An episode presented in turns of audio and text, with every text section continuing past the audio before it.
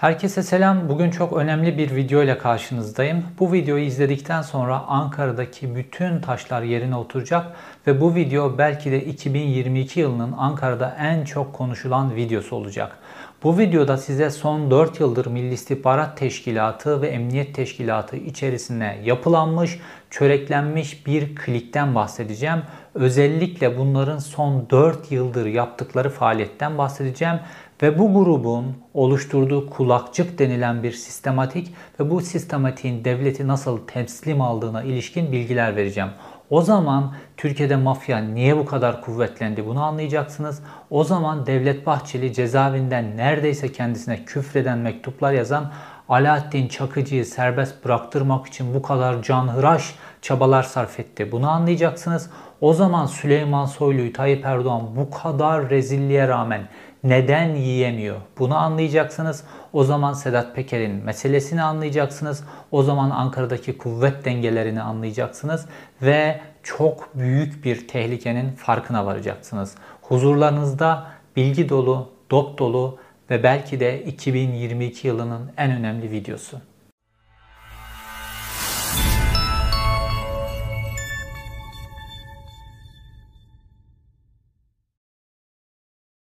Öncelikle kulakçık denilen sistemden başlamamız gerekiyor. Çünkü kulakçık sistemini, sistematiğini anlamadan hiçbir taş yerine oturmayacak. Bir ülkenin, bir emniyet teşkilatının nasıl teslim alındığını ve bu yolla ülkenin nasıl bir mafya devletine dönüştüğünü anlayabilmemiz için önce bu kulakçık denilen sistematiği çözmemiz lazım. Aslında her şey Süleyman Soylu'nun İçişleri Bakanı olarak atanmasıyla başlıyor.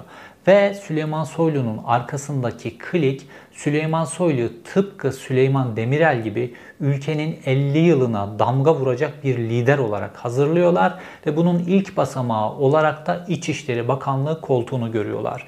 Çünkü özellikle 2015 yılından sonra PKK ile mücadele, Gülen cemaati ile mücadele gibi meseleler nedeniyle İçişleri Bakanlığı çok kritik bir pozisyona ve çok popüler bir pozisyona gelmişti. Ve bu pozisyonda Süleyman Soylu'nun özellikle politik olarak çok kuvvetlendirme, kuvvetlenmesi için Süleyman Soylu'yu düşünüyorlardı. Ve burada Klik'in kullandığı kişi Klik'in en önemli isimlerinden bir tanesi olan Devlet Bahçeli oldu.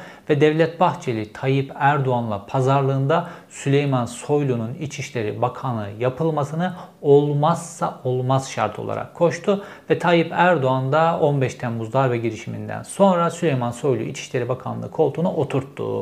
Fakat Süleyman Soylu emniyet teşkilatının tamamını ele geçirecek ve kendi amaçları doğrultusunda hareket ettirecek hareket alanını bulamıyordu. Çünkü Emniyet İstihbarat Dairesi'nin başında Akın Karatay isimli bir adam vardı. Bu da tıpkı Süleyman Soylu gibi 15 Temmuz'dan sonra göreve getirilmiş ve doğrudan Tayyip Erdoğan'a bağlı olarak çalışan bir isimdi. Ve bu isim emniyet istihbaratı yönettiği için emniyet teşkilatı içerisindeki dönen dolaplar, Süleyman Soylu'nun yaptığı, yapacağı hamleler vesaire bunların hepsiyle ilgili e, Tayyip Erdoğan'ı enforme ettiği için Süleyman Soylu istediği dönüşümü yapamıyordu. Süleyman Soylu'nun emniyette oluşturduğu atama listeleri Tayyip Erdoğan'ın önüne gittiğinde Tayyip Erdoğan değiştiriyor, Berat Albayrak değiştiriyor, AKP'nin içerisindeki başka kuvvetli isimler değiştiriyor. Bir türlü tam olarak Süleyman Soylu'nun istediği listeler geçmiyordu. Bu kliğin özellikle Mehmet Ağar'ın emniyet teşkilatından uzak kalma sürecinde çok fazla kan kaybettiğini görüyoruz. Fakat Mehmet Ağar'ın da 15 Temmuz'dan sonra doğrudan Tayyip Erdoğan'la bir partner olmasıyla birlikte Emniyet Teşkilatı'nda bu klik kuvvetlendi. Çünkü Mehmet Ağar da bu kliğin çok önemli isimlerinden bir tanesi. Fakat bu kliğin esas bir yöneticisi var. O yöneticiye doğru şimdi adım adım kulakçık programını anlatırken geleceğiz. Şimdi kulakçık denilen mesele bir program. Ve bu program taşınabilir hard diskler içerisine, taşınabilir USB'ler içerisine konuyor ve çok özel, tamamen güvendikleri, %100 emin oldukları emniyet teşkilatı mensuplarına, emniyet amirlerine teslim ediliyor. Ve bu emniyet amirleri, emniyette yapacakları bir atama, görevlendirme, bir operasyonda sorumlu yapacakları kişiler bunları belirlemede yani bütün kritik adımlarda kulakçık programını kulakçığı takıyorlar bilgisayarlarına, programı açıyorlar ve tamamen kulakçık programındaki listelere, bilgilere göre görevlendirmeler yapıyorlar ve bütün emniyet teşkilatını böylece de ellerine geçirmiş oluyorlar.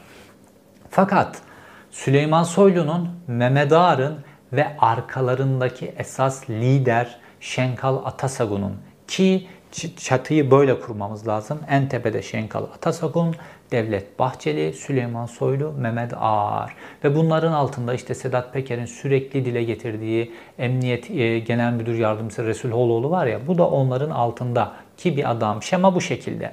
Bunlar bu şekilde kuvvetlerini yerine oturtmaya çalışıyorlar. Fakat önlerinde bir tane engel var. Önlerindeki engel Emniyet İstihbarat Başkanı Akın Karatay. Ve bunun değiştirilmesi için bir hamle yapıyorlar. Bir kumpas kuruyorlar.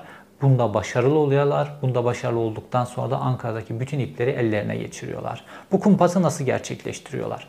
Sizi 2018'in Nisan ayına götürmem lazım. 2018'in Nisan ayında Ahmet Şık bir haber yazdı. Gazetelerde, pek çok gazetede alıntılandığı, internet sitelerinde manşet oldu vesaire. Ahmet Şık haberi Cumhuriyet Gazetesi'nde yazdı ve dedi ki 7 tane polis Süleyman Soylu'nun telefonlarını dinlemiş ve bu tespit edilmiş. Sonra polislerin görev yeri değiştirilmiş. Şimdi bu büyük bir skandal. Polislerin İçişleri Bakanlığı dinlemesi büyük bir skandal. Ve bu skandala imza atan polislerin hemen meslekten çıkartılmaları lazım, gözaltına almaları, tutuklanmaları, yargılanmaları, ağır cezalandırılmaları lazım.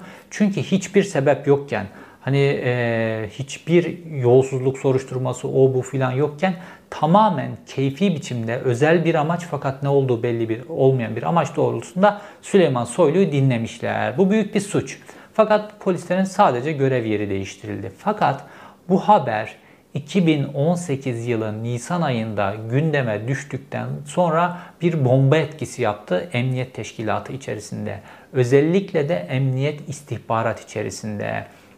Ve Süleyman Soylu Emniyet İstihbarat Başkanı Akın Karatay'ı değiştirmek istiyordu. Bu haber Süleyman Soylu için çok büyük bir fırsata dönüştü ve bir ay sonra haber Nisan ayında çıktı. Mayıs ayında Akın Karatay değiştirildi ve yerine başka bir isim atandı. Şimdi Süleyman Soylular aslında bir kumpas planlıyorlar burada ve Süleyman Soylu bunun öncesinde yani daha haber medya yansımadan önce bu kumpas organizasyonu da aslına bakarsanız kimi işaret etti? Berat Albayrak Süleyman Soylu'yu dinletiyor şeklinde e, yansıdı. Fakat aslında Süleyman Soylular buna yol veriyorlar. Hatta el altından bazı kendi adamları bunu bir biçimde de organize ediyorlar ve Süleyman Soylu'nun telefonlarını dinlettiriyorlar. Ve Süleyman Soylu'nun telefonları dinlendikten sonra Süleyman Soylu doğrudan Hakan Fidan arıyor. İşte telefonlarım dinleniyor. Bundan senin haberin var mı filan. Ankara'ya ayağa kaldırıyor. Hükümet kaynıyor. Süleyman Soylu'nun telefonları dinleniyor. Tabi Tayyip Erdoğan bile olsa aklına ilk Berat Albayrak gelir. Çünkü Berat Albayrak'la Süleyman Soylu'nun arasında gerilim var. E, Milli İstihbarat Teşkilatı dinlese zaten kendi imkanlarıyla dinler. Niye Emniyet İstihbarat Teşkilatı'nın içinde dinlesin? Ve skandal öyle bir boyuta geliyor ki 2018 yılında da da Süleyman Soylu'nun popülaritesi çok yüksek. Hükümet nezdinde de, halk nezdinde de filan. E, Tayyip Erdoğan'ın karşısına gelince mesela bir kesede e, Emniyet İstihbarat Başkanı var, bir kesede Süleyman Soylu var. Haliyle Emniyet İstihbarat Başkanı değişiyor. Ve Emniyet İstihbarat Başkanı değiştikten sonra Sabit Ak Akın Zaimoğlu denen bir isim getiriliyor. Emniyet İstihbarat'ın başına konuyor. Bu isim de aslına bakarsanız böyle yüzde yüz Süleyman Soylu'nun e, adamı diyemeyiz ama diğer isimle karşılaştırdığımızda Süleyman Soylu da daha organize biçimde çalışacak bir adam. Fakat bunun öncesi var. O boşlukta yani telefon dinleme skandalı ortaya çıktıktan sonra medyaya da yansıdıktan sonra Ankara kulislerinde bol bol konuşulduktan sonraki işte o bir aylık zaman diliminde aslında bakarsanız o birkaç aya yayılmış bu bilginin hükümet içerisinde bilinmesi birkaç aya yayılmış bir mesele. Bunun üzerine Süleyman Soylu tabii ki kendisinin telefonlarını dinleyen emniyet istihbaratı hedef alıyor ve orada pek çok görev değişimi yapıyor altına. Yani Akın Zaimoğlu yeni Emniyet İstihbarat Başkanı göreve geldiğinde Emniyet İstihbarat'ın altta iş yapan bütün kadrolarını Süleyman Soylu değişmiş, değiştirmiş oluyor ve kendi adamlarını koyuyor. Bunu neyle koyuyorlar? işte bu kulakçık denen programın içerisinden seçtikleri adamlarla koyuyorlar. Ve dolayısıyla emniyet istihbaratta Süleyman Soylu, Mehmet Ağar, Şenkal, Atasagun yerleşmiş oluyorlar tamamen. Ve bu kale düşüyor. Yani Tayyip Erdoğan'ın elindeki bu kale düşüyor. Bu kale düştükten sonra çok kritik bir atama yapıyorlar ve ondan sonra Türkiye'deki bütün film dönmeye başlıyor. Şimdi Emniyet İstihbarat Teşkilatı'nın içerisinde istihbarata karşı koyma denen bir şube var. Bu şube çok önemli bir şube ve bu şubenin görevi polisleri takip etmek. Çünkü bu şubenin görevi şu. Bir polis memuru, polis amiri vesaire mafya gruplarıyla mı çalışıyor, suç gruplarıyla mı çalışıyor, başka bir devlete mi çalışıyor vesaire bunları tespit etmek. Yani emniyet istihbar, emniyet teşkilatının tamamını temiz tutmak için bu istihbarata karşı koyma şubesinin görevi emniyet teşkilatını sürekli izlemek, kulağını sürekli kabartmak, yolsuzluk, yolsuzluğa bulaşmış, suça bulaşmış vesaire bir polis varsa bunu çıkarıp ayıplamak, meslekten men etmek, yargılatmak vesaire. Bunun için kurulmuş bir şube emniyet istihbarat teşkilatının içerisinde. Ve buranın başındaki ismi hemen değiştiriyorlar. Ve Kürşat denilen bir ismi getirip buranın başına koyuyorlar. Bunların soy isimlerini açıklayamıyorum çünkü istihbarat teşkilatı mensupları oldukları için bunların soy isimlerini açıklamak onları hedef haline getirebilir yasal olarak. Dolayısıyla soy ismini açıklamıyorum. Ve bunu bu göreve getiriyorlar. Bu göreve getirdikten sonra ne yapıyorlar biliyor musunuz? Bütün emniyet teşkilatının kilit isimlerini, rütbelileri dinlemeye başlıyorlar. Önce 50 kişi görevlendiriyorlar. 50 tane dinleme ile görevlendirilmiş personel. Bu her bir personel 10 polisi dinliyor bir postada. 50 polis bir postada 500 polise, 500 polis amirini rütbeliği dinlemeye başlıyor. Ve her postada 500 derken böyle yıllar içerisinde 4 yıldır süren bir faaliyet. Yıllar içerisinde on binlerce polisin telefonları dinleniyor. Bu telefon dinlemenin yanında telefon dinlemeden elde ettikleri delillerin yanına aynı zamanda da e, mekanik istihbarat ve insan istihbaratıyla da yan deliller oluşturuyorlar.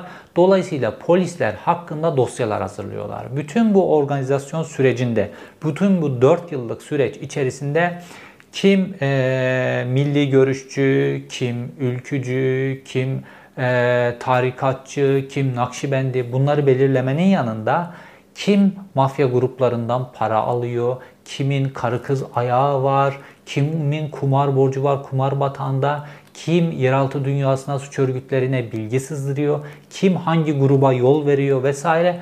Bunun gibi kirli polislerle ilgili de bütün bilgileri de dosyalıyorlar, oluşturuyorlar.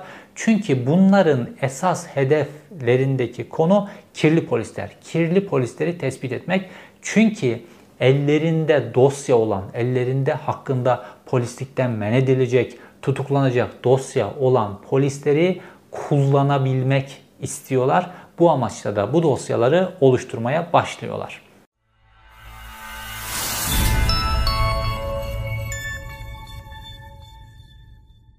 Polisleri bu 4 yıl boyunca iyice listeledikten sonra aynı zamanda da listeledikleri tamamen ellerine dosya aldıkları polisleri kritik pozisyonlara getirmeye başlıyorlar ve özellikle son 3 yıldır çok fazla atama yaptılar bu şekilde. Ve bu atamaları yaptıklarında da en kilit olarak üzerinde durdukları emniyette 3 tane daire var. Kaçakçılık ve organize suçlarla mücadele dairesi, narkotik ve Emniyet İstihbarat Teşkilatı. Özellikle bu üç noktanın üzerine çok yükleniyorlar. Çünkü bütün büyük suçlar ve para tamamen bu üç dairenin etrafında dönüyor. Dolayısıyla bu üç daireye özellikle fokuslanıyorlar ve burada yapılanıyorlar. Şimdi burada Sedat Peker'in sürekli bahsettiği bir emniyet amiri var. Resul Holoğlu. Bütün Süleyman Soylu ile ilgili bütün suçların kuyruğunu bir şekilde Sedat Peker getirip bu Resul Holoğlu'na bağladı. Emniyet Teşkilatı, Emniyet Amirlerinin Emniyet Genel Müdür Yardımcısı. Bu Resul Holoğlu çok kritik bir adam.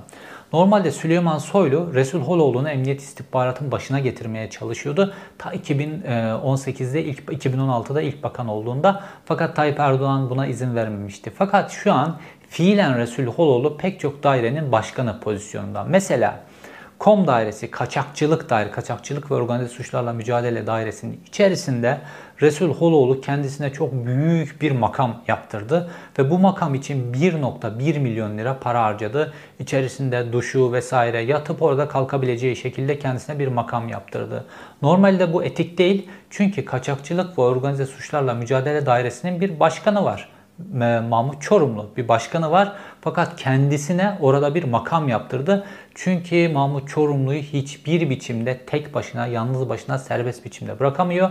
Çünkü bütün parayı kom üzerinden, bütün o mafya grupları vesaire, kaçakçılık, o bu işlerin hepsini kom üzerinden organize ettikleri ve bazı mafya gruplarına yol verdikleri için buraya geldi, yerleşti. Ve Resul Holoğlu buradan aynı zamanda bu kulakçık programını da organize ediyor. Bunu nasıl organize ediyor? Şimdi kulakçık programının içerisindeki bilgileri dolduran kişi az önce size söyledim istihbarata karşı koyma şubesi başkanı Kürşat.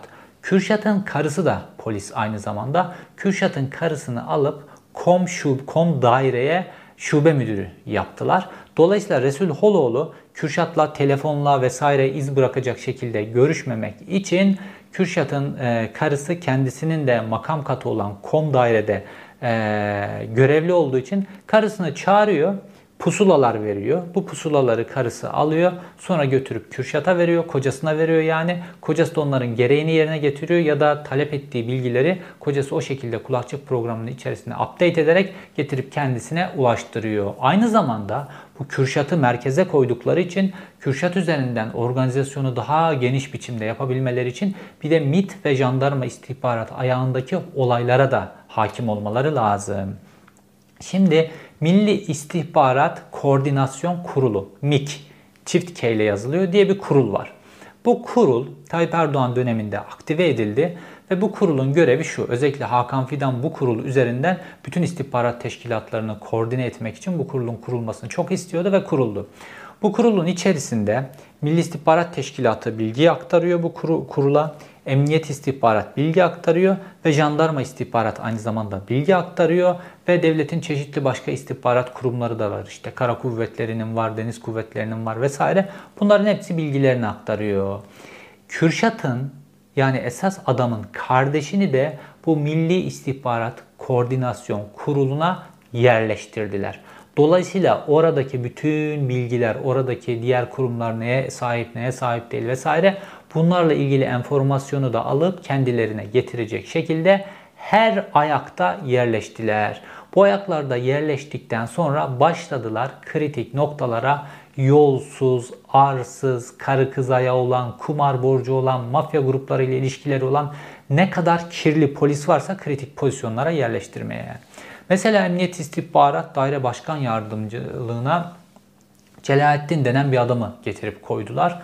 Bu adamın İzmir'de bir tane başka bir polis memuruyla ilişkisi var. Bu ilişki üzerinden bunu çok uzun süre kullanıyorlar.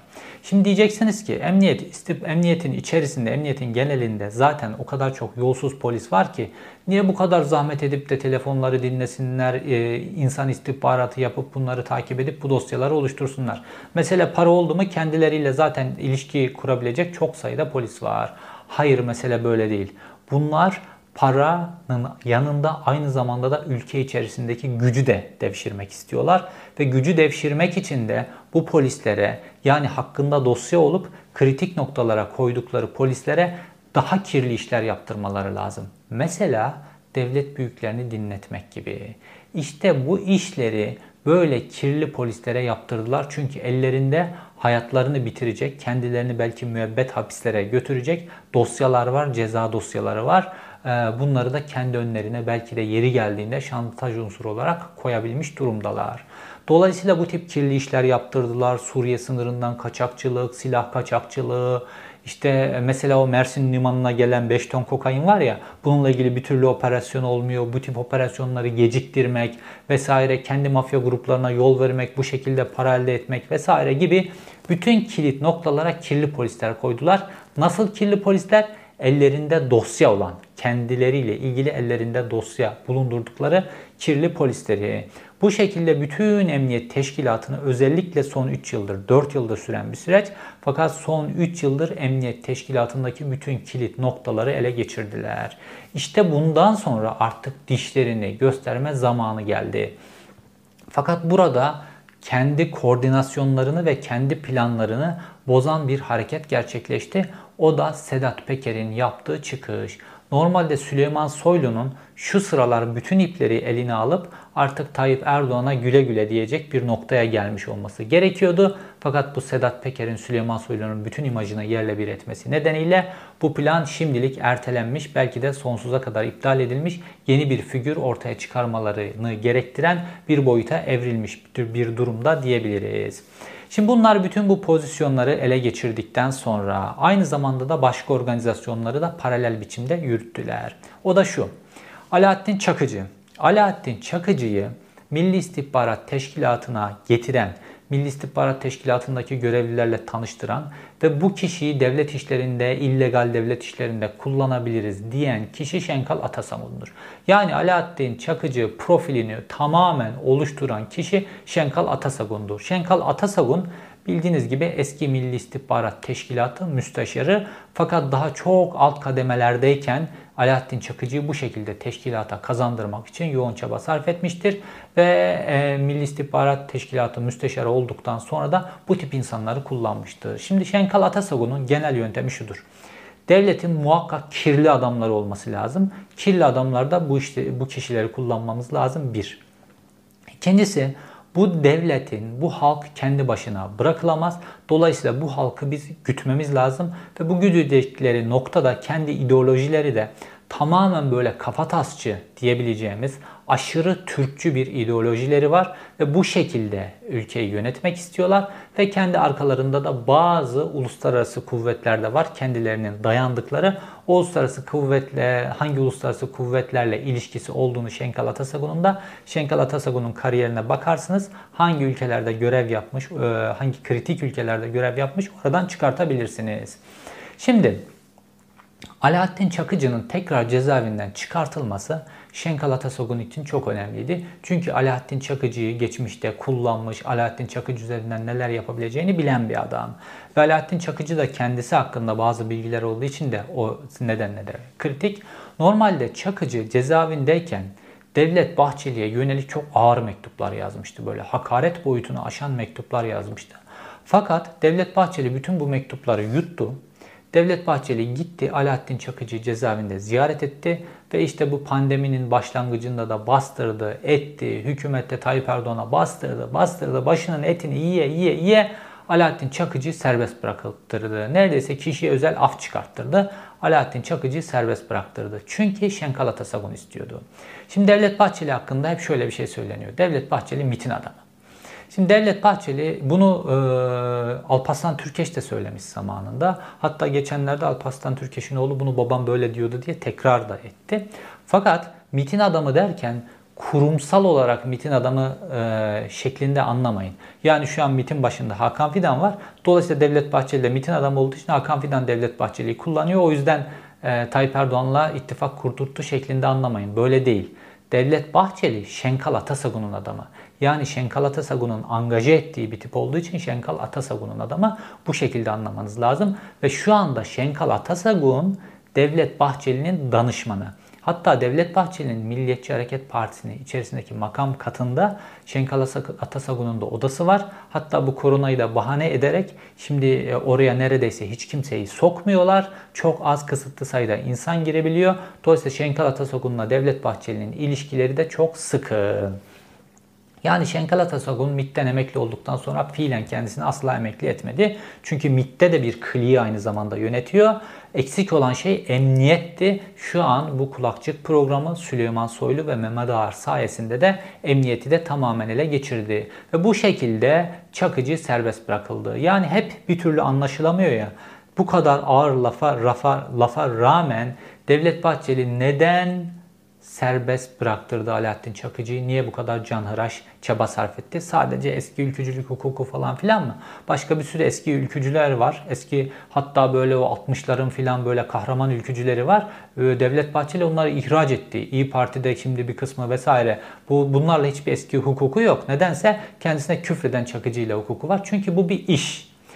E, Şenkal Atasagun kendisine bu talimatı verdiği için tıpkı AKP ile koalisyon kur talimatını tamamen yerine getirdiği gibi bu talimatı da yerine getirdi ve Alaaddin Çakıcı'yı serbest bıraktırdı. Şimdi bu Çakıcı ile ilgili nasıl serbest bıraktırıldığı ile ilgili taş yerine oturduğu mesele Şenkal Atasagun meselesi. Ve Çakıcı'nın da Bahçeli'nin de, Mehmet Ağar'ın da, Süleyman Soylu'nun da aslında hepsinde ağzına baktığı kişi kim? Şenkal Atasagun. İstanbul ayağında Mehmet Ağar var. Şu anki İstanbul Emniyet Müdürü Zafer Aktaş doğrudan Mehmet Ağar'ın yetiştirdiği proje ve çok kirli bir emniyet mensubudur. Onu İstanbul Emniyet Müdürü yaptılar. İstanbul elinde tutan emniyetin neredeyse %80'ini zaten elinde tutar. Mehmet Ağar İstanbul ayağında. Şenkal Atasagun'un İstanbul ayağında. Ankara ayağında Süleyman Soylu var. Hükümetin içerisinde Devlet Bahçeli var. Ve mafya dünyasının içerisinde de Alaaddin Çakıcı var. Diğer mafya gruplarının başı da biraz ezilerek Alaaddin Çakıcı yeniden bir numara hale getirildi. Ve bazı mafya gruplarıyla da devletin koordinesinde anlaşmaları sağlandı. Aynı zamanda da Süleyman Soylu üzerinden de para yapabilmek için işte bu Ayhan Bora Kaplan vesaire gibi mafya gruplarına da yol verilerek sürekli para yapıldı. Dolayısıyla devletin legaline ve illegaline inanılmaz biçimde yerleştiler. Ve bu yerleşmeyle birlikte emniyet teşkilatını daha da güçlendirmek için emniyet teşkilatına bazı alımlar yaptırmaya başladılar. Emniyet teşkilatına çok fazla silah almaya başladılar. Özellikle yerel, yurt içinde silah üreten, piyade tüfeği üreten vesaire e, firmalardan çok fazla Süleyman Soylu'nun imzasıyla emniyet teşkilatına silahlar alındı. Aynı zamanda da Süleyman Soylu'nun ve Mehmet Ağar'ın ve bütün bu organizasyonun, bu kliğin yönettiği mafya grupları eliyle de yurt içine, illegale pek çok silah sokmaya başladılar. Yine özellikle kendi denetimlerinde olan yurt içindeki bazı firmalarda üretilen silahlar seri numaraları tahrip edilerek vesaire başka şekillerde ve yurt dışından da kaçak sokularak bunlarla ilgili görüntüler de çıktı. Böyle kolilerin içerisinde daha sıraları bile bozulmamış silahlar mafya gruplarının elinde ele geçirilmeye başlandı. Mafya gruplarına yapılan operasyonlarda neredeyse normal evlerde bile böyle silahlar bulunmaya başlandı. Çünkü bu klik aynı zamanda piyasaya illegale de çok fazla silah sokmaya başladı bu şekilde. Mesela Süleyman Soylu'nun ürettiği mafya gruplarından Ayhan Ayhan Bora Kaplan grubu Ankara'da çok fazla bu şekilde silah sattı. İşte namlu kısmı değiştirilmiş kuru sıkı silahlar vesaire bunları sürekli piyasaya soktular. Aynı zamanda da pompalı tüfek benzeri böyle 2000 liraya 1000 liraya satılabilecek benzer öldürücülüğü olan silahları da piyasaya sokmaya başladılar. Bir taraftan legal güç olan emniyetteki silah envanterini çok kuvvetlendirirken bir taraftan da illegal alemdeki silahları çok fazla arttırmaya başladılar. Şimdi bu silahlar herhangi bir durumda, herhangi bir siyasi pozisyonda patlayabilir ve bir siyasi sonuç doğurabilir. Şimdi bu grubun elinde yani bu kliğin elinde özellikle kokain vesaire gibi meseleler nedeniyle çok büyük paralar var. Bakın 5 ton kokain sevkiyatı yapılıyor Türkiye'de bir seferde. Bu ortaya çıkan şey. Ortaya çıkmayanları düşünün siz. Çok büyük para var. 5 ton kokainin kaç yüz milyon dolar yaptığını internetten araştırıp bulabilirsiniz. Bunların elinde çok büyük para var şu anda. Böyle bir seferde 100 milyon dolara kesik atıyorlar. Böyle adamlar bunlar. Bir taraftan ellerinde para var, bir taraftan illegal ve legal silahlar var. Silah ortalığı karıştırır, para ortalığı yatıştırır. Ve bunlar öyle bir siyasi iklimde bu güçlerini kullanırlar ki hiç kimse önlerinde duramaz. Çünkü bununla ilgili aynı zamanda da tecrübeli kişiler bunlar. Kafalarındaki beyin Şenkal Atasagun ve Milli İstihbarat Teşkilatı'nın uzun yıllar müsteşarlığını yaptı. Devlet, devletin refleksleri, Türkiye'deki kuvvet dengeleriyle ilgili elinde yeterince arşiv var. Ve elinde dediğim gibi Devlet Bahçeli siyaset ayağında, hükümetin içerisinde Emniyette ayakları var. Resuloğlu, Süleyman Soylu, emniyetin bütün kilit noktaları. istihbarat teşkilatında zaten kendi gücü var. Sokakta Alaaddin Çakıcısı var. Her yönden adamları var ve silahları var ve paraları var. Legal silahlar, illegal silahlar her şey var ellerinde. Peki oyunu bozan ne oldu? Şimdi oyunu bozan, daha doğrusu oyunu ertelemelerine neden olan bir gelişme yaşandı. Bu gelişme de şu. Normalde Ankara kulislerinde hep bahsediliyordu. İşte bu 2020'nin e, başlarında AKP kongresi oldu ya. İşte e, hatta gazeteci Levent Gültekin de bunu söyledi. Fakat o bütün bu, bu gücün kim olduğunu açıklamadı. E, Tayyip Erdoğan'a gelip diyecekler ki kongre öncesinde artık sen çekil bırak biz devralıyoruz diyecekler. Şimdi bu biz dedikleri kişi işte bu klik aslına bakarsanız o zamana hazırlanıyordu. Hatta Sedat Peker de diyor ya işte Mart ayında dönecektim benim biletim sendin vesaire falan filan diyor ya. İşte bu bilet meselesi Sedat Peker'in bilet meselesi Süleyman Soylu'nun verdiği garantiler filan hepsi bu noktada kilitleniyor fakat olmadı. Olmayınca işte Sedat Peker'in meseleleri, ifşalar, onlar bunlar konu bambaşka bir noktaya evrildi. Şimdi bu gelinen bambaşka noktada Sedat Peker'in de arkasında bir klik var ve bu kliklerde bildiğimiz gibi eskiden beri Sedat Peker'in ittifak ettiği Veli Küçükler ve askerler. Bunlar bu Şenkal Atasagun'un bu şekilde bütün devleti ele geçirmesiyle ilgili son derece tedirginler ve bunların e, mücadele biçimleri de bu sefer Sedat Peker üzerinden oldu. Birbirleriyle geçmişten beri bu Veli Küçük grubuyla o zaman Mehmet Ağar grubuydu. Şenkal Atasagun daha gölgede duruyordu. Fakat şu an Şenkal Atasagun emekli olduktan sonra asıl adam pozisyonuna geldi. Bunların aralarında hep mücadele vardır. Fakat şimdi daha ifşa olmuş vaziyete geldi. Peki Tayyip Erdoğan ne yapıyor? Tayyip Erdoğan da elbette ki ister istemez bunlardan haber alıyor. Bu Hakan Fidan üzerinden olabilir, kendi başka e, e teş, e, haberleşme dinleme imkanları üzerinden olabilir. Çünkü biliyorsunuz e, sarayın içerisinde de bu dinleme ile ilgili bir birim var, faaliyet gösteriyor. Her türlü illegal dinlemeyi yapıyorlar. Legal bir biçimde. Hatta bu klik bahsediyorum ya Şenkal Atasagon kliği. Bunlar normalde yani istihbarata karşı koyma polisleri e, polis e, vazife ve selahiyetleri kanunu var. Onun 7. maddesine göre polisleri dinliyordu. Fakat o kadar çok polis dinlediler ki iş ayyuka çıktı. Sonra iki tane dinleme cihazını yalandan hurdaya ayırmışlar. O hurdaya ayırdıkları, bozuldu dedikleri dinleme cihazları üzerinden çatır çatır dinleme yapıyorlar. Aynı şekilde çatır çatır sarayda dinleme yapıyor. Legal illegal. Türkiye'de her şey artık serbest hale geldi. Ve e, Tayyip Erdoğan bunların gücünü kırabilmek için bazı hamleler yaptı. Mesela geçtiğimiz günlerde artık onun da rezilliği kamuoyuna yansıtılmadan fakat koalisyon ortakları içerisinde konuşularak Hakimler Savcılar Kurulu'ndaki bir ismi değiştirdiler. MHP'nin atadığı, MHP'nin görevlendirdiği bir isimdi. Dolayısıyla e, hakimler, savcılar yargı ayağında çok önemli bir kuvvet kaybetti MHP. Bu bu kuvvetler dengesinde Tayyip Erdoğan'ın attığı bir adımdı. Fakat esas Tayyip Erdoğan jandarma teşkilatını kuvvetlendiriyor. Jandarma teşkilatında son birkaç yılda özellikle son 3-4 yıldır diyebilirim Mehmet Ağar'ın çok kuvveti yok. Süleyman Soylu'nun kuvveti kalmadı. Perinçey'in kuvveti bile jandarma teşkilatı içerisinde eridi. Jandarma teşkilatı içerisindeki yegane kuvvet olmaya çalışıyor Tayyip Erdoğan ve jandarma teşkilatı üzerinden bunların gücünü dengelemeye çalışıyor. Jandarma teşkilatına imkan veriyor, kadro aldırıyor, para veriyor vesaire vesaire. Ve jandarma teşkilatının içerisinde de kendi adamları var Tayyip Erdoğan'ın. Şimdi aslında bunların hepsinin kullanma yöntemi aynı pislik etrafında dönüyor. Aynı yöntemler. Önce kirli adamları buluyorlar. Çünkü kendileri kirli. Tayyip Erdoğan da kirli. Şenkal Atasagun da kirli. Kendileri kirli oldukları için kirli adamlarla çalışabilmeleri için kirli adamları tespit etmeleri lazım. Şimdi Tayyip Erdoğan'ın kirli adamından bir örnek vereyim size. O da bu 15 Temmuz yargılanmalarında ortaya çıktı. Şimdi size Albay Hüseyin Kurdoğlu diye bir adamdan bahsetmiştim bir videoda. 17-25 Aralık'la ilgili bir meseleyi anlatırken.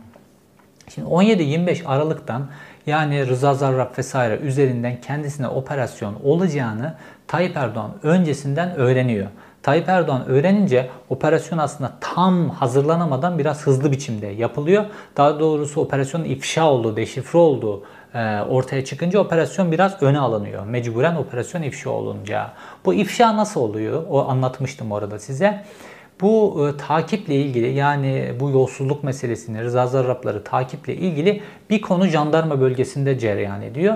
Ve dolayısıyla da İstanbul İl Jandarması'yla çalışmak zorunda kalıyor polis teşkilatı. Ve İl Jandarma, e, İstanbul İl Jandarma Komutanı da o zaman Hüseyin Kurdoğlu denilen bir albay.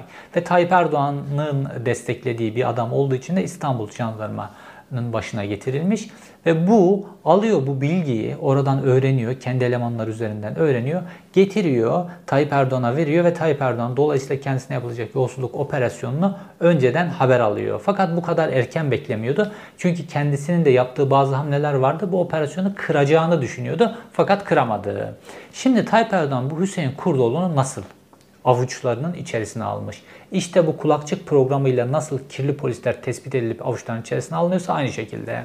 Şimdi bu nasıl ortaya çıktı? Şimdi Hüseyin Kurdoğlu da pek çok kişi gibi 15 Temmuz'un sonrasında ben de işte mağdurum falan işte ben zamanında paşa yapılmadım falan diyor. Tabi 15 Temmuz'dan sonra paşa yapıldı. Şimdi tüm general rütbesinde yakında jandarma genel komutanı da olur. Çünkü avuçta bir adam. Neyse 15 Temmuz'dan önce paşa yapılmamıştı. 4 tane yüksek askeri şuraya girmişti. Dördünde de paşa yapılmamıştı. 4 yıl üst üste. Niye paşa yapılmamış? Kendisi şöyle açıklıyor. Ee, işte bu gitti e, meclisteki 15 Temmuz komisyonunda da konuştu, mahkemelerde de filan. İşte kendisinin hakkı yeniyor. Niye? Hamza Celepoğlu diye bir adam var. İşte bu meşhur MİT tırlarını durdurmakla ilgili de yargılanan e, bir komutan var jandarmada general. İşte onu general yapabilmek için kendi hakkını yemişler. O yüzden kendisini general yapamamışlar. Bunun üzerinden 15 Temmuz'da yargılanan özellikle Mehmet Parti Göç üzerine yani e, Genelkurmay e, Personel Başkanı üzerine çok fazla yüklendi. Çok fazla yüklenince, dozu çok arttırınca Mehmet Parti Göç'te o zaman ben de bunun hakkındaki bilgileri açıklayayım diye Mahkemede bunu konuştu. Şimdi diyor ki bizde böyle haksızlıklar yapılıyor. Yok onun önünü kesmişiz, bunun önünü kesmişiz filan. Hüseyin Kurdoğlu da bunlardan bir tanesi. Tamam diyor anlatayım o zaman Hüseyin Kurdoğlu ile ilgili meseleyi. Şimdi biliyorsunuz yüksek askeri şuralarda bir kişi general yapılacaksa ya da generallikten yükseltilecekse vesaire o kişi hakkındaki bütün dosyalar yargıya yansımış, yansımamış istihbarat dosyaları o bu komşularından al ne varsa bütün bilgiler getirilir. Çünkü bir adamı general yapmak çok önemli koskoca binlerce askeri emrine vereceksiniz. Ülke için çok kritik bir şey. Ve Yüksek Askeri Şura'da da Hüseyin Kurdoğlu'nun ta teğmenliği döneminden bir tane dosya var orada. O dosyada şu. İki tane er şikayet etmişler. Resmi olarak askeri savcılığa şikayet etmişler. Demişler ki bu teğmen, Hüseyin Kurdoğlu teğmen bize kendisine zorla fiili livata yaptırtıyor diye şikayet etmişler. Ve bununla ilgili Hüseyin Kurdoğlu yargılanmaya başlamış. Sonra erler terhis olmuşlar, gitmişler. Erler tekrar mahkemeye gelmemiş, o olmamış, bu olmamış. Dosya o şekilde sürüncemede kalmış, kapanmış. Fakat bu dosya bir yerde duruyor. Ve generallik sırasına geldiğinizde bu dosya ister istemez geliyor. Fakat bu bir iftira da olabilir filan. Bununla ilgili ister istemez generallik meselesi olunca bununla ilgili detaylara bakmışlar. Şimdi detaylardan bir tanesi Hüseyin Kurdoğlu 45 yaşına kadar evlenmemiş. Normalde askerler içerisinde çok görülen bir hadise değil. Askerler çok erken evlenirler. Çünkü askerin evlilik hayatının erken başlaması ve düzenli devam etmesi aynı zamanda da askerlik mesleği açısından iyi görülen bir şeydir. Çünkü bu tip kritik askerde de böyledir, istihbarat teşkilatlarında da böyledir. Aile hayatı düzensiz olan adamı kritik pozisyona getirmezler. Bu hayatın realitesi. Bunlar kritik pozisyonlar. Ve 45 yaşında evlenmesi buna bir gerekçe olarak gösteriliyor fakat yeterli bir gerekçe değil. Fakat yapılan incelemede de bütün sağlık raporları onlar bunlar vesaire de alınıyor ya. General mesela şeker hastasıyla ise general olamaz, kalbi varsa general olamaz, uyku problemi varsa general olamaz vesaire vesaire. Ve Hüseyin Kurdoğlu'nun sağlık raporlarında şöyle bir şey dikkat çekiyor. 5 kere makat yırtılmasıyla ilgili ameliyat gerçekleştirmiş. Şimdi Mehmet Parti Göç'te diyor ki hakkında iki tane askerin böyle bir şikayeti var. Bize zorla fiili livata yaptırıyor. 45 yaşında evlenmiş artı 5 kere makat yırtılmasıyla ilgili ameliyat olmuş. Şimdi bunların hepsi bir araya gelince bir ister istemez güçlü bir kanaat oluşturuyor. Bu nedenle de Yüksek Askeri Şura'da general yapılmamış. Hadi bir şurada bir generali yapmak için onu o işte onu şey yaptılar ama o şurada 5 kişi general olmuş. O 5 kişiden bir tanesi olabilirdi. Hadi bir şurada böyle oldu. İkinci şura, üçüncü şura, dördüncü şura. Çünkü hep aynı dosya geliyor ve general yapmıyor. Fakat bu dosya, bu kirli dosya Tayyip Erdoğan'ın eline geldiği zaman İşte bu adamı istediği biçimde kullanıyor ve ondan sonra da bir yolsuzluk operasyonunu deşifre edebilecek kadar bilgi de alabiliyor. Şimdi de o adamı tüm general yaptı. İşte Van bölgesi filan bütün meseleler onun sorumluluğu içerisinde vesaire vesaire. Ve dolayısıyla bu yöntemi Tayyip Erdoğan da kullanıyor. İşte Şenkal Atasagunlar da kullanıyor, başkaları da kullanıyor. Fakat Tayyip Erdoğan jandarma teşkilatını çok kuvvetlendiriyor ve dolayısıyla da bu kliye karşı çünkü Tayyip Erdoğan Devlet Bahçeli diye görmüyor hadiseyi. Tayyip Erdoğan da hadiseyi Şenkal Atasagun görüyor. Devlet Bahçeli'nin danışmanı pozisyonda fakat esas Devlet Bahçeli yöneten kişi olarak görüyor. Fakat Tayyip Erdoğan'ın elinde tuttuğu başka bir koz daha var. O da Efkan Alağı. Tayyip Erdoğan Afgan alayı 17-25 Aralık yolsuzluk operasyonundan sonra İçişleri Bakanı yapmıştı. 15 Temmuz'dan sonra da görevden aldı biliyorsunuz.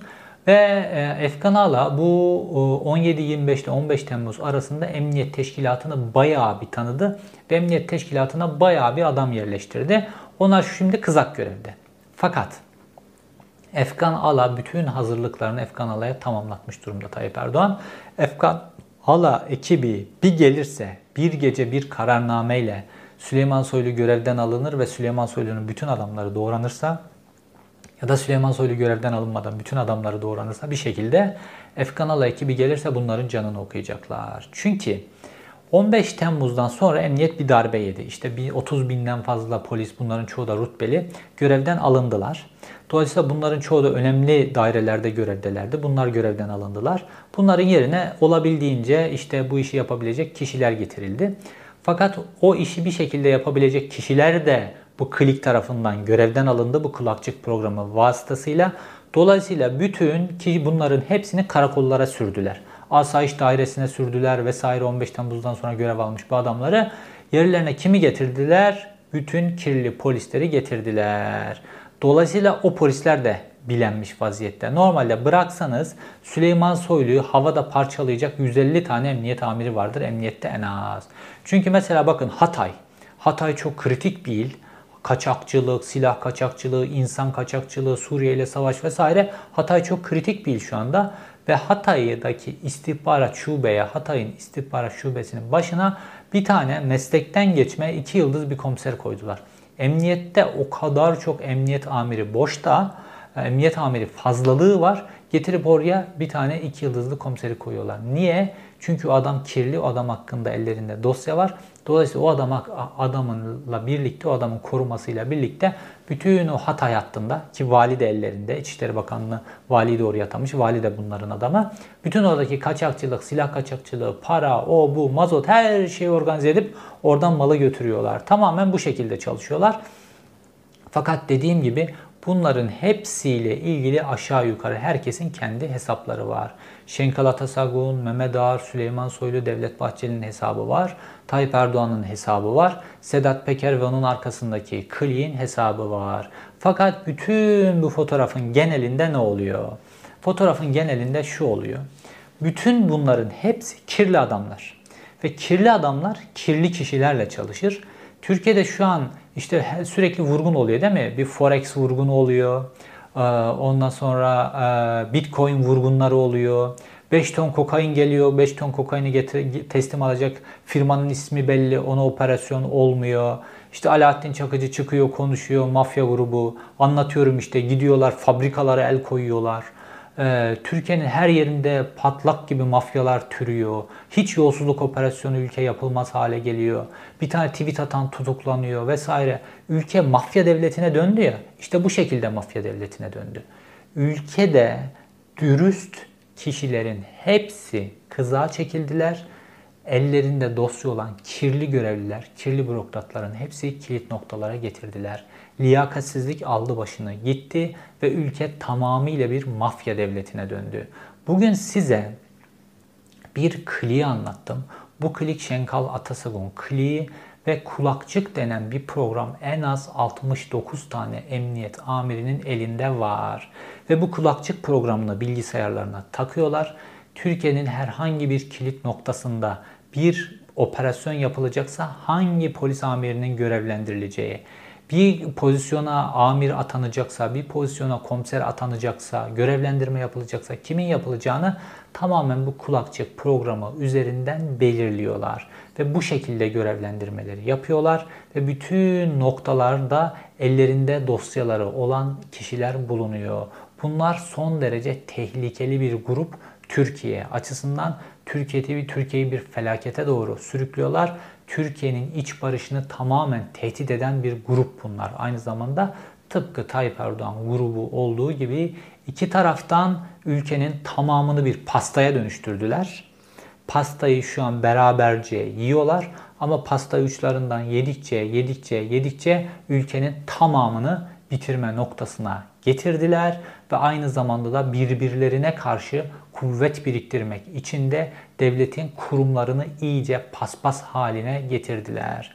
Bu videoda umuyorum ki Devlet Bahçeli onun arkasındaki güç, Alaaddin Çakıcı'nın nasıl serbest bırakıldığı, Sedat Peker'i Dubai'de yaşamak zorunda bırakan klik, Sedat Peker'i Dubai'de yaşamak zorunda bırakan işbirlikleri vesaire bunların hepsiyle ilgili aynı zamanda da ülkenin nasıl bir mafya devletine döndüğüyle ilgili taşlar zihninizde umarım büyük ölçüde oturmuştur.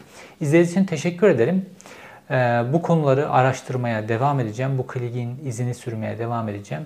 Emniyet Teşkilatı'nın, istihbarat Teşkilatı'nın devlet koridorlarında dönen dolapların hepsinin izini sürmeye devam edeceğim.